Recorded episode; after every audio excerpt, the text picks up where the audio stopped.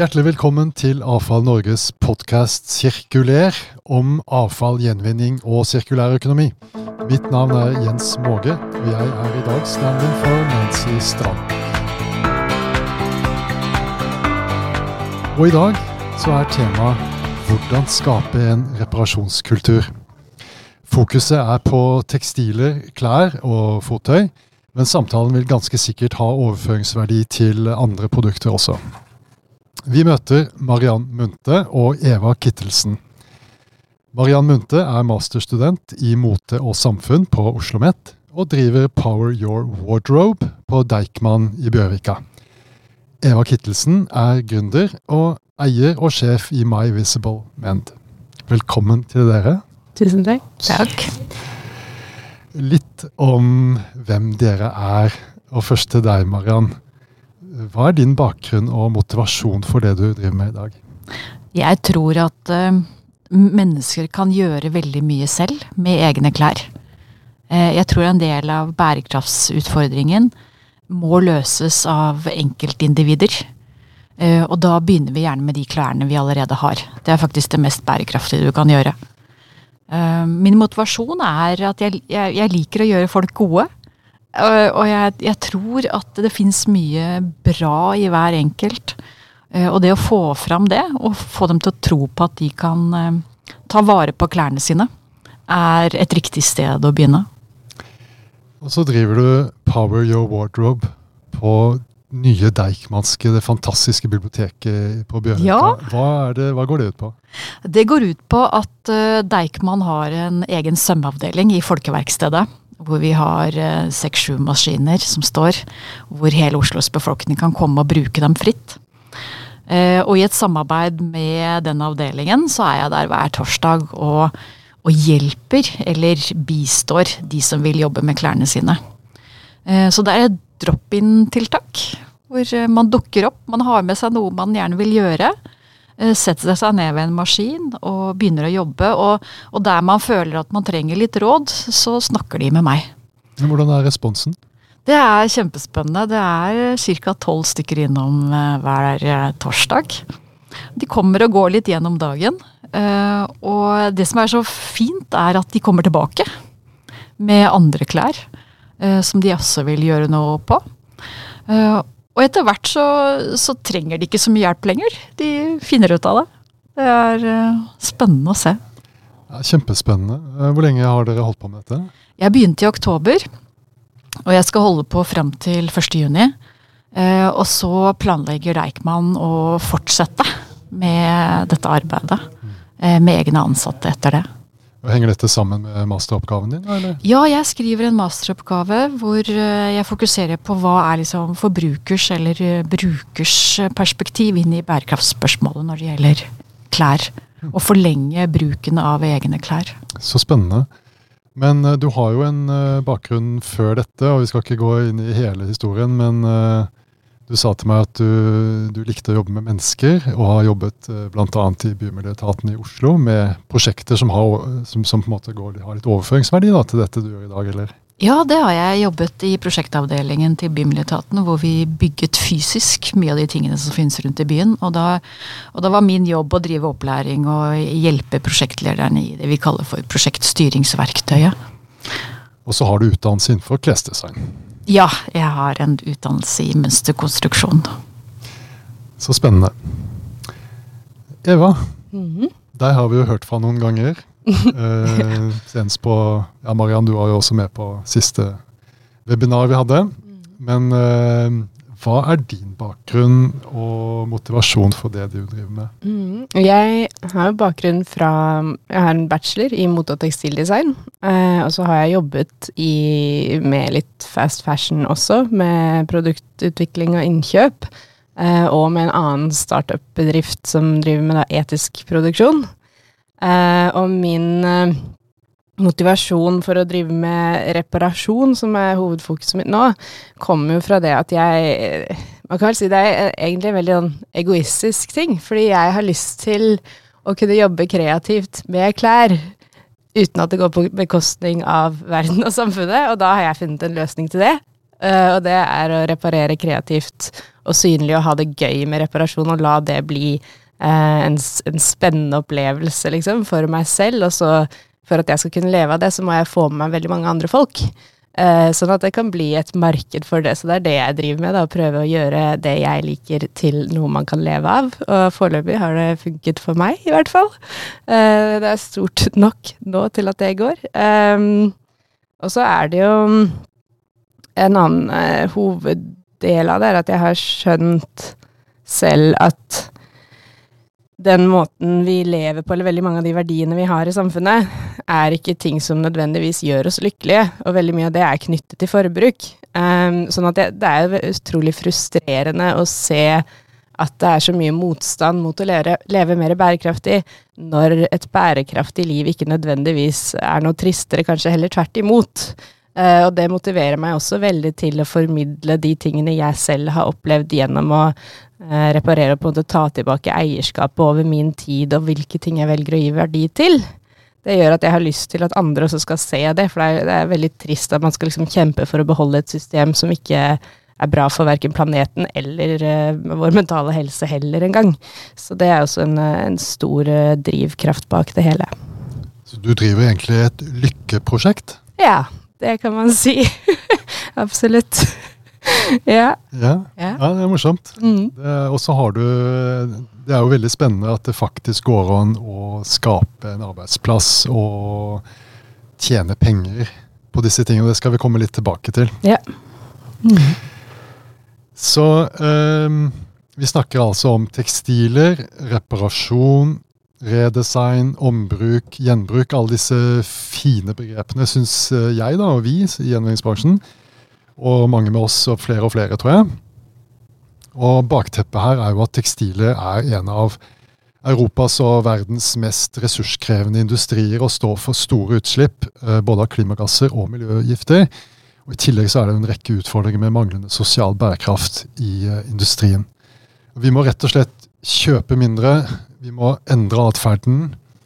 Industriens forretningsmodeller må endres mm. radikalt. Og vi behøver løsninger og teknologi for mer ombruk, sortering og materialgjenvinning. Men la oss uh, starte med da dette si, Kanskje dette et av disse grunnproblemene her. Billige klær. Mm. Og De fleste har blitt kjent med de siste ukene med NRKs reportasje fra ørkenen i Chile Billige klær med for lav kvalitet og kort levetid, og gjerne med årsak i rask mote. Så hvorfor, hvorfor, er det billigere å kjøpe nytt framfor å reparere og ta vare på det man har? Skal jeg ta den? Mm, ta den. ja. eh, altså, dette er en av mine største kjepphester, egentlig. Uh, for problemet er jo ikke at det er for dyrt å reparere. Problemet er jo at alle klærne vi kjøper, uh, stort sett er produsert eh, med dårlige arbeidsvilkår, eh, uten nødvendige tiltak for at miljø og klima alt tas vare på og betales for underveis. Så vi kjøper jo klær som er sponset av natur, miljø og mennesker i andre land. og det er derfor det blir så ekstremt billig.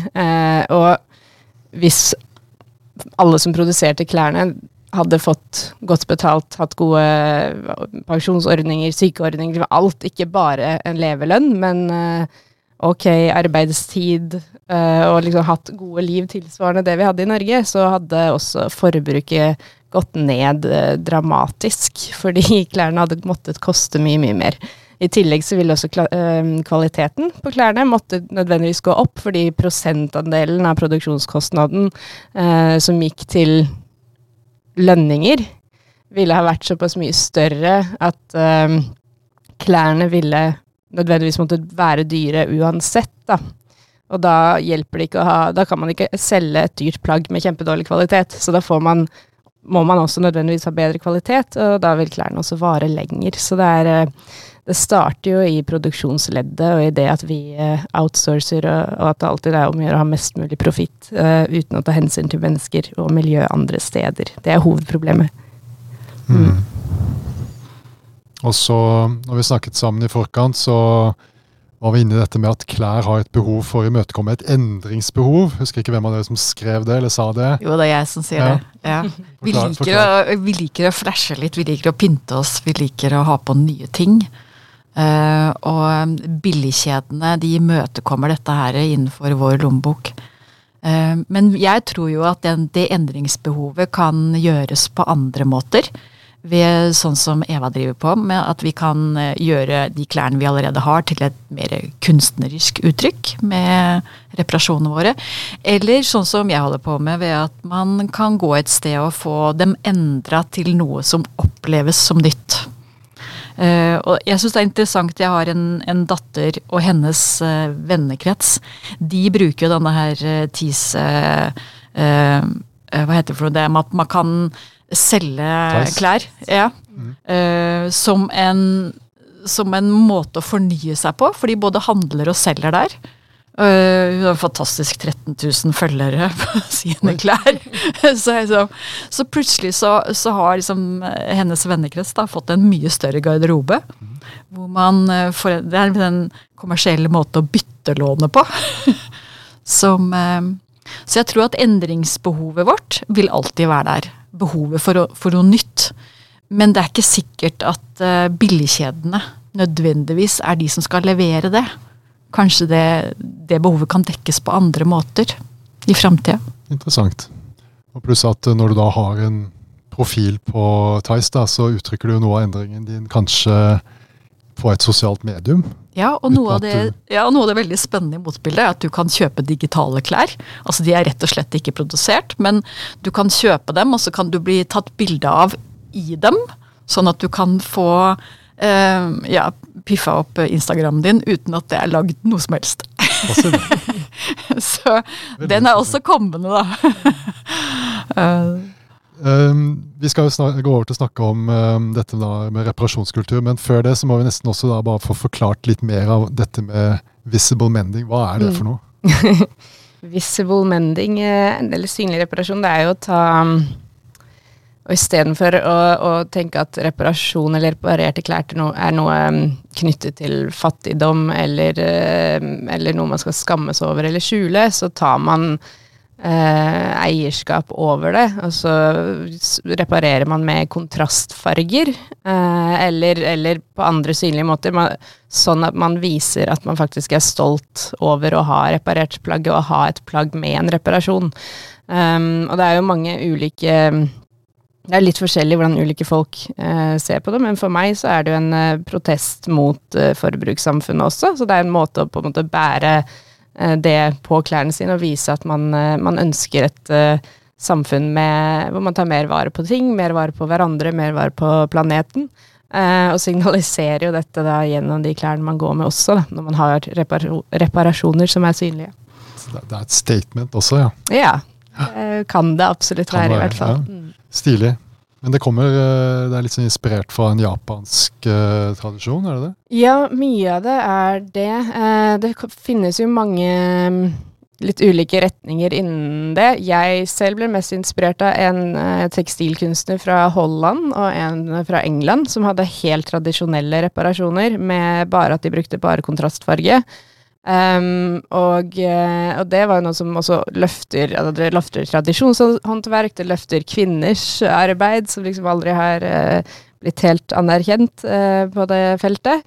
Uh, og så er det også da mye som kommer fra Japan, f.eks. en teknikk som heter sashiko, som er ganske, blitt ganske stor globalt. Eh, hvor man reparerer med Det er bare tråklesting, men i ulike retninger og geografiske mønster. Så det er en veldig enkel teknikk å lære seg. eh, men som får et veldig fint resultat, og som også er anvendelig for liksom alle aldersgrupper og alle kjønn. og sånn da. Så det er noe av det man ser kanskje mest eh, globalt sett. Akkurat i Norge har det blitt mye stopping og broderi og sånn, fordi det er det vi driver med litt mer her, kanskje. Ja. Mm. Da skal vi snakke litt om dette med kultur, da. Og reparasjonskultur. Mhm. Og i, eh, i bransjen vår, i gjenvinningsbransjen, så er vi jo vant til å snakke mye om eh, rammebetingelser. Eh, Og det mener vi jo at det mangler. Er At vi mangler virkemidler som virker, og som gir da økt ombruk, reparasjon og gjenvinning. Men nå snakker vi altså om kultur. og jeg slo opp på Store norske leksikon, og der står det at kultur brukes i en rekke forskjellige sammenhenger med ulike betydninger. Vanligst er det å snakke om kultur i forbindelse med tanke-, kommunikasjons- og atferdsmønstre hos mennesker, og da både i vid og snever forstand. Hva er kultur for dere? Start med deg, Mariann. Kultur for meg er eh, si, summen av hva en gruppe mennesker er enige om i et geografisk område. Eller innenfor et fagområde. Eh, og så har du jo både den synlige kulturen, men du har også superkulturer. som hva som er greit innenfor små enheter. Men, men kultur er jo et uttrykk. Ja. Hva vil du si, Eva? Kultur er vel alle alle reglene, alle de usynlige reglene vi svømmer i, og som vi forholder oss til uten å nødvendigvis være klar over at det, eh, at det er kultur. Eh, så det er eh, Man kan si at det er trådene, på en, ja, trådene på, til en dukkemester, liksom. Ja, Bare at det ikke nødvendigvis er en dukkemester. det er den kollektive drivkraften som, som, knytter oss sammen og skaper tilhørighet eller fremmedgjøring, eller hva det nå enn skulle være, uh, som vi påvirkes av i, i, alt vi gjør hver eneste dag. Mm. Mm. Det er litt interessant, Nå er vi på vei ut av en håper vi da, ut av en pandemi. Mm. Men hvordan dette med f.eks. munnbind Mm. Jeg husker I starten på pandemien så var det de, som, de få som gikk med munnbind, de så jo man, det så man veldig rart på. ikke sant? Ja. De måtte jo være skrullete. Plutselig så var det alle skulle gå med munnbind. Da var det de som ikke hadde munnbind, som var skrullete. Mm. Dette skiftet jo veldig fort. Ja. Um, så dette med kulturendring um, det Er det sånn at det er avhengig av politikere og liksom de her rammebetingelsene som vi snakker så mye om, eller er det mulig å skape dette på andre måter? Jeg tror vi må skape det på andre måter. Hvis vi skal vente på politikerne, så tar det litt for lang tid. Jeg tror at rammebetingelser kun kan bygge på en, en bølge eller en strømning som allerede finnes i et samfunn. Mm. Men uh, rammebetingelser og politikere kan forsterke eller dreie i riktig retning, sånn som f.eks. røykeloven, når den kom. Mm. Uh, og nå er det jo uh, nesten ut å, å røyke. Det er jo nesten så folk skjuler seg litt. Eh, men den gangen den kom, eh, så, så var det veldig mye motstand. Allikevel så klarte man å få gjennomført den og snudd eh, samfunnet i riktig retning. Mm. mm. Men politikerne er jo, de skal jo representere velgerne, så det er jo begrenset hva de kan gjøre eller vil føle at de kan gjøre, og bli gjenvalgt. Eh, med mindre de ser at uh, velgermassene er litt i samme at, det er nok folk da, som er enig. Men når det kommer til klimatiltak, så er det jo masse altså Man har jo undersøkelser som viser at det er, det er syv av ti nordmenn, så vidt jeg husker, som ønsker strengere tiltak. Og det skjer ikke så veldig mye allikevel. Så, så jeg skulle jo ønske politikerne gjorde mer, men da må man kanskje gjøre enda større, mer med kulturen da, for å på en måte få det over, så man kommer til et vippepunkt hvor politikerne også tar steg, og så kan man liksom få til enda mer etterpå, da. Mm. Tenker jeg. Det er i hvert fall det jeg prøver. mm. Ja. Nei, jeg vet ikke om uh, Røykeloven var vel ikke sånn uh, Det var vel ikke et sånn uh, et sjakktrekk for politisk gjenvalg helt i starten. Det ble det kanskje etter hvert? Det husker jeg ikke. Men jeg, jeg, jeg, var bare overraska over at det funka. Mm. mm. Ja. Det var jo også en, et, et, flere land som kom etter, og som jobba samtidig med sine lov, mm. røykelover. Ja. Så det var ikke et isolert tiltak. Mm. Ok. Um, la oss snakke litt om uh, vår egen garderobe. Jeg har jo en garderobe som jeg knapt nok vet hva jeg har inni der. Uh, altså um, vi alle har, vi eier jo så fryktelig mange plagg. Og, og jeg, liksom, eh, jeg, har av og til tenkt på at uh, uh, før man kjøper noe, burde man ta en titt i sin egen garderobe. Uh, men det vi, det vi, kan starte med å spørre om, er um, hvordan får vi klærne til å vare lengst mulig? Jeg tror at vi får klærne til å vare lenger hvis vi liker klærne. At de, de har en, en, tilleggsverdi utover den praktiske eh, verdien de har i å hindre oss i å fryse. Eh, så klær må, må, ha noe mer enn eh, en klima. Mm. Eh, passform er veldig viktig. Eh, en av hovedgrunnene til at man føler man ikke har noe å ha på seg selv om eh, klesskapet er overfylt, er at klærne ikke passer. og det skjer jo gjerne når man masseproduserer klær til en standardkropp som ikke fins. Eh, så hvis man kan greie å finne ut Hvis man kan greie å akseptere at klær ikke passer, så er det lettere å ta det steget og gjøre justeringer, enten selv eller ta ting til skredder. Og da kan man jo velge de tingene som man liker aller, aller, aller best og skulle ønske funket, og så bare liksom bite i det sure eplet, på en måte, og gjøre det som skal til. Fordi klær som sitter godt, det er klær man liker å bruke og gå med også. Ikke sant. Mm. Så det, det, å like klærne, uh, elske de klærne man har, holdt jeg på å si, eller uh, ja. Da er det viktig å kjøpe ikke for mange, sånn at man har uh, har de klærne man er mest glad i, og, og ta, ta, vare på de. Mm. Men uh, dette med å gå på skattejakt i eget klesskap, det har jeg notert det her, da. Det, det, det, tror jeg er et potensial hos uh, ganske mange. Men hva er egentlig potensialet for reparasjon og redesign? Og da tenker jeg potensialet altså Er det gjort noen studier på uh, f.eks. hvor mye du kan spare naturressurser? hvor mye man kan skape arbeidsplasser. Du har jo skaper jo arbeidsplasser innenfor dette nå, Eva. Mm. Du skaper masse aktivitet på Deichmanske, Mariann. Men vet dere om det er gjort noen eh, Kan dere si noe om det? Hva er potensialet på dette? Du har jo Livid som selger eh, bukser med eh, reparasjon. Altså de, den første reparasjonen gjør butikken. Og du har jo også andre merker som Bergans og, så, og Northern Playground som har en, en policy på det med reparasjon. Og jeg tenker at hvis, eh, hvis produsenter eh, leverer et produkt med en reparasjonsgaranti eller mulighet, så skaper det for det første mye arbeidsplasser i tillegg til selve butikken. Altså butikken blir annerledes. Den inneholder ikke bare noe som skal eh, lagres, eh, selges og ferdig, men den det inneholder noe som også kommer tilbake og blir reparert. Så plutselig så har man da et verksted, reparasjonsverksted i butikken. Eh, man har eh, andre eh, typer jobber i forbindelse med dette her salget. Mm. som jeg tror er veien å gå. da, at, yeah. at, de butikkene sånn som de ser ut i dag, klesbutikkene, de må endre seg. De må ha en bytte, retur, verksted. Eh, de må bli mer spennende. Mer opplevelse i butikken òg, kanskje? Ja. Mm. Altså, noe av grunnen til at uh, det, ting ikke repareres, og at klær som returneres, kastes og alt sånn, er jo fordi det er arbeidsintensivt. Sånn at det å ta vare på tingene vi har, reparere, redesigne, sortere avfall, hva som helst sånn, krever mye arbeid. Det er derfor vi ikke gjør det. Så, så hvis vi bare Altså hvis vi greier å skape en kultur der vi ser verdien i å ta vare på de tingene som vi har, og, og skaper betalingsvillighet for å ha det, og man skjønner at det er mer verdifullt enn fast fashion, da, da vil vi kunne skape kjempemange arbeidsplasser.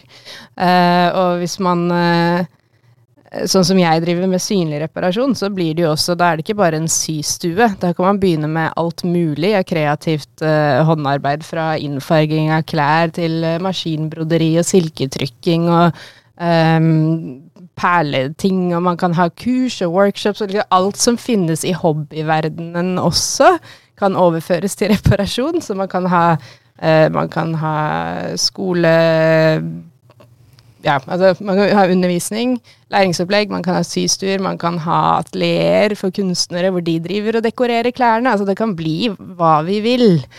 Hvis vi bare åpner hodet nok og begynner å tenke at klær er ikke ferdig idet de selges.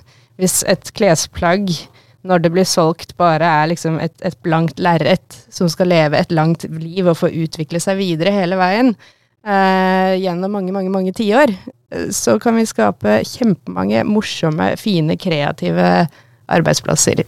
Mm. Jeg har jo opplevd internettkafeer. Og jeg tenkte at det samme prinsippet kunne jo være for symaskiner. At man har sykafeer. Mm. Hvor man kommer innom og får litt hjelp men gjør mye av arbeidet sjøl. Og sånn sett så, så kan skredderkostnadene egentlig bli ganske lave.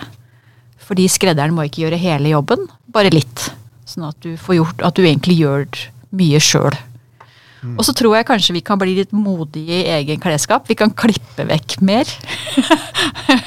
vi kan fjerne noen armer så det blir vester. Eh, vi kan, vi kan, tørre å gjøre noe med de klærne vi har, og se på dem som tekstiler med potensial istedenfor ferdige plagg. Mm. Altså en jakke kan bli en vest. Eh, en lang genser kan bli en topp. Mm. Uh, sånn at eh, et produkt trenger ikke å forever være en genser. Den, den, kan på en måte omformes til noe annet som du nå har bruk for. Mm. Altså et produkt jeg selger i nettbutikken, det er jo stoppetråd laget av klær som er håndfarget, og så rekket opp og så surret på kort. Uh, det er jo arbeidsintensivt. Men det kan jo også gjøres billigere hvis man har, skalerer opp og har maskiner som hjelper til med den prosessen, men allikevel så vil jo være mer krevende enn uh, å lage stoppetråd av, uh, av ja, virgin materials. ja. så, så, det er jo masse man kan finne på. Og så ser jeg også, jeg jobbet en kort periode med Eh, med handikappede og de som, som, trenger litt spesialtilpassede arbeidsplasser. Mm. Eh, og det mye av denne mekaniske rekke opp, sortere eh, kunne ha eh, lagd den type eh, arbeidsplasser, da. Mm. Hvor, eh, hvor, mange med litt reduserte eh, kunne ha fått jobb. Altså Jeg er litt tilbake til den lykkekonseptet. Lykke Lykkefabrikken. Det her er jo også sosialt. altså Man kan gjøre ting sammen. altså Den gamle hobbyklubben og tenker jeg altså Disse kjøpesentrene våre som eh, jo sliter med at uh, det skjer for lite der. Det er, ikke, det er ikke interessant å være der. Uh, de må gjøre noe nytt for å tiltrekke seg kunder. Mm. Så ligger det jo et stort potensial da, i å skape alt det, alt det vi har snakket om nå. Absolutt. Og gjerne i eksisterende klesbutikker, hvor, som jo ligger gjerne ofte sentralt dyre, dyr lokalleie. Mm. Så her burde det ligge masse muligheter for de som, eh, som tør å være litt kreative. Mm. Da syns jeg vi skal uh, til slutt snakke litt om nett, eller gå litt videre på akkurat den biten der. For vi, uh, vi vil jo gjerne at det skal, det skal bli noe verdiskaping. så litt til deg, Eva. Mm. Du, har, du, er jo gründer og har skapt din egen arbeidsplass. Men er det, er det, hvordan kan dette skaleres, tenker du? Det kan skaleres som enhver annen uh, butikk. Jeg har startet med nettbutikk hvor jeg selger produkter uh, som folk kan kjøpe for å reparere selv. Uh, og det, det, Så lenge jeg outsourcer, så kan det skaleres så mye som enhver hobbybutikk kan. og når det på en måte er på plass, så kan jeg gå videre med andre prosjekter, som f.eks. syverksteder eller kurs eller andre ting. Og der kan man jo da trene Altså, får man pushet eller endret kulturen nok, så kan jo det her skaleres opp til å, til å bli eh, Til å dekke egentlig på en måte mange bransjeområder. Eh, med både, som jeg nevnte tidligere, man kan ha kurs og undervisning, man kan ha eh, systuer og syverksteder som man eh, har, man kan ha starte konsulentvirksomhet for, uh, for, merkevarer som ønsker å tenke på design um, fra Altså tenke på reparasjon når de designer klærne. Uh, og, og, designe klær som egner seg for å reparere, for at det skal være enklere. Um, og, og, gå inn og, i samarbeid med merkevarer, f.eks. For, eksempel, for å finne ut hvordan, hvordan reparasjon kan bli en naturlig del av deres produkt rekker også, og noe de tilbyr. Ikke bare som en, eh, en tjeneste, som de tilbyr gratis eller, eller, noe sånt, men også som en, en del av en en del av en klesreise som man kan skape for kunden. Mm. Det er uendelig med muligheter. Hvor mye omsetter du i, dag? Eh, I fjor var det én million, eh, og nå ligger jeg på rundt 140 000 i måneden. Wow. Ja. Jeg startet med 10 000 for halvannet år siden. Det er stilig. Det er gøy å høre. Ja. Men Mariann, du har jo du har jobba en del prosjektorientert, bl.a. i eh, Oslo kommune. Ja. Eh, er det mulighet for mer samarbeid mellom f.eks. gjenvinningsbransjen, eh, gjenvinningsbedrifter og andre aktører? Altså Biblioteket som du jobber med er jo et eksempel på det. Men kan det være, hvordan ser du på dette med potensial for samarbeid for å få til mer? Jeg, jeg, tenker jo på sånne lokale sentre rundt forbi hvor man, eh, hvor man samarbeider om, om, et felles mål. Altså Avfallsbransjen vil gjerne redusere avfallsmengden. Eh, kunstnere f.eks. Eh, vil jo gjerne ha tilgang på materialer. Eh, du har småverksteder som, som, ønsker å ha lokale og kort vei til eh, ja, materialer eller ting som, man, som avfallsbransjen gjerne vil få omsatt. Du har eh, produsenter og butikker og bedrifter som, som, gjerne vil være med og bidra, men som kanskje ikke har den samme ekspertisen. Da, som gjerne vil samarbeide med småbedrifter eh, som reparerer eller eh, redesigner eller gjør om. Um, så jeg tror at eh, et samarbeid mellom alle aktørene, kan, kan, hvor alle bidrar med det de er gode på, kan, eh, kan hjelpe. Eva? Ja, nei, Det handler jo om å, å, koble sammen de som har det andre trenger. Altså Selv jeg f.eks. til min butikk skulle gjerne hatt uh, Eh, tinnbokser for å oppbevare Som man kan ha med seg med sysaker, liten saks og nål og sånn. Og det har jeg lyst til å skaffe fra gjenvinningsmaterialer. Eh, altså noe hårkremboks eller et eller annet. Altså, jeg vet ikke. Eller fra noe kjøkken hvor de har mat. Men jeg, det er vanskelig å finne de stedene. Sånn at, eh, så det er jo absolutt eh, handler om at man, at man får satt opp en måte hvor folk kan få kommunisert behovene, sånn at man finner de uh, ulike tingene. Da. At man har et bedre sorteringssystem og bedre, bedre håndtering. Og jeg vet ikke helt hvordan, det, hvordan man egentlig skal få, få det til sånn på sikt. Jeg syns uh, kanskje vi egentlig trenger uh, kortere arbeidsdager, så folk kan gjøre mer hjemme for å sortere og, og resirkulere. Ikke bare resirkulere ved at ting går til gjen, altså blir gjenbrukt. At man liksom har ferdige veier. Uh, så der er det jo, hvis det er noen som har lyst til å lage en eller annen uh, plattform for å få koblet alt det her, så det har vært fint. Det, det, høres ut som en, uh, en fin utfordring. og ja. Vi har jo tenkt tanken, da, ja, ja. fra Norge, at den plattformen det var litt det vi gjorde med det med det fikste webinaret. da. Ja. At vi tenkte at vi skulle skape en sånn, starte på å lage en sånn plattform. Og ja. vi har sagt vi skal jobbe mer med dette ja. fremover. Så får vi se hvilken form det tar, da. Ja, for det er jo masse behov på kryss og tvers, men, man, eh, men det er vanskelig å finne, finne hverandre. Det, det er det. Men kanskje avfallsstasjonen skal begynne å tenke på seg selv som eh, den gamle skraphandleren. Altså blåse litt liv i den og gjøre den litt mer moderne men som et sted som leverer materialer. Hvor, kan, ja, hvor, andre kan komme og hente materialer for å bruke det til noe. Ja. Det er noe med det å ha nok kvantiteter og sånn, at man liksom får samlet nok av like ting. Ikke bare mottaker av, eh, av ja. uh, avfall, men at det er en, en, transformering. da. Vi tar imot, og så gir det vi til noen andre som har bruk for det. Mm. Ja. Man får til et pullsystem. Altså at, at, at, man vet hva folk vil ha, sånn at man vet hva som er verdt å samle på og sende. Altså Ikke sant. Her er det mye koblinger. Det kan ja. det også digitalt. Ja. Og, og, så er det noe med å treffe kundene der de er. Da. Altså, disse gjenvinningsstasjonene ligger jo ofte litt utenfor uh, allfarvei, og det er veldig mm. bilbasert. Og kanskje kunne man fått noe mer sentrumsnært. Mm. Um, det gjøres jo en del steder, da, men, mm. men her er det mange muligheter. da. Mm. Absolutt. Så uh, dette er ikke første gangen vi kommer til å snakke sammen om disse tingene, tror jeg. Nei, men da, da, har vi vært igjennom en, uh, hatt en god, god prat. og da konklusjonen må være at en, en, kultur kan vi faktisk skape. Mm. En reparasjonskultur. Og dere er jo i full gang. Ja. Så vi heier skikkelig på dere. Mm. Bli glad i det klesskapet du har.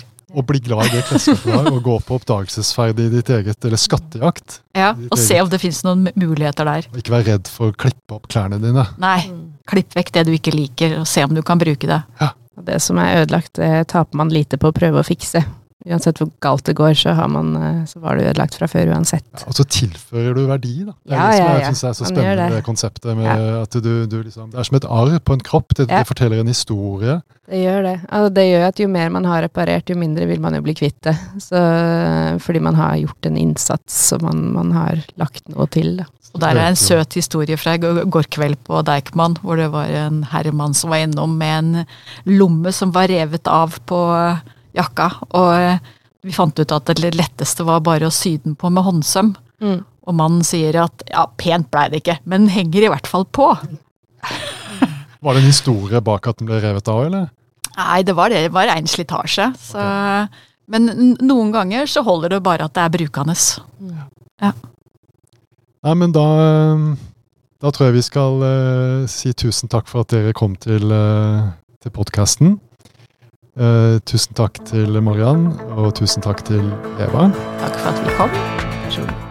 Takk til alle som har hørt på, og takk til produsent Håkon Bratland. Ha det bra.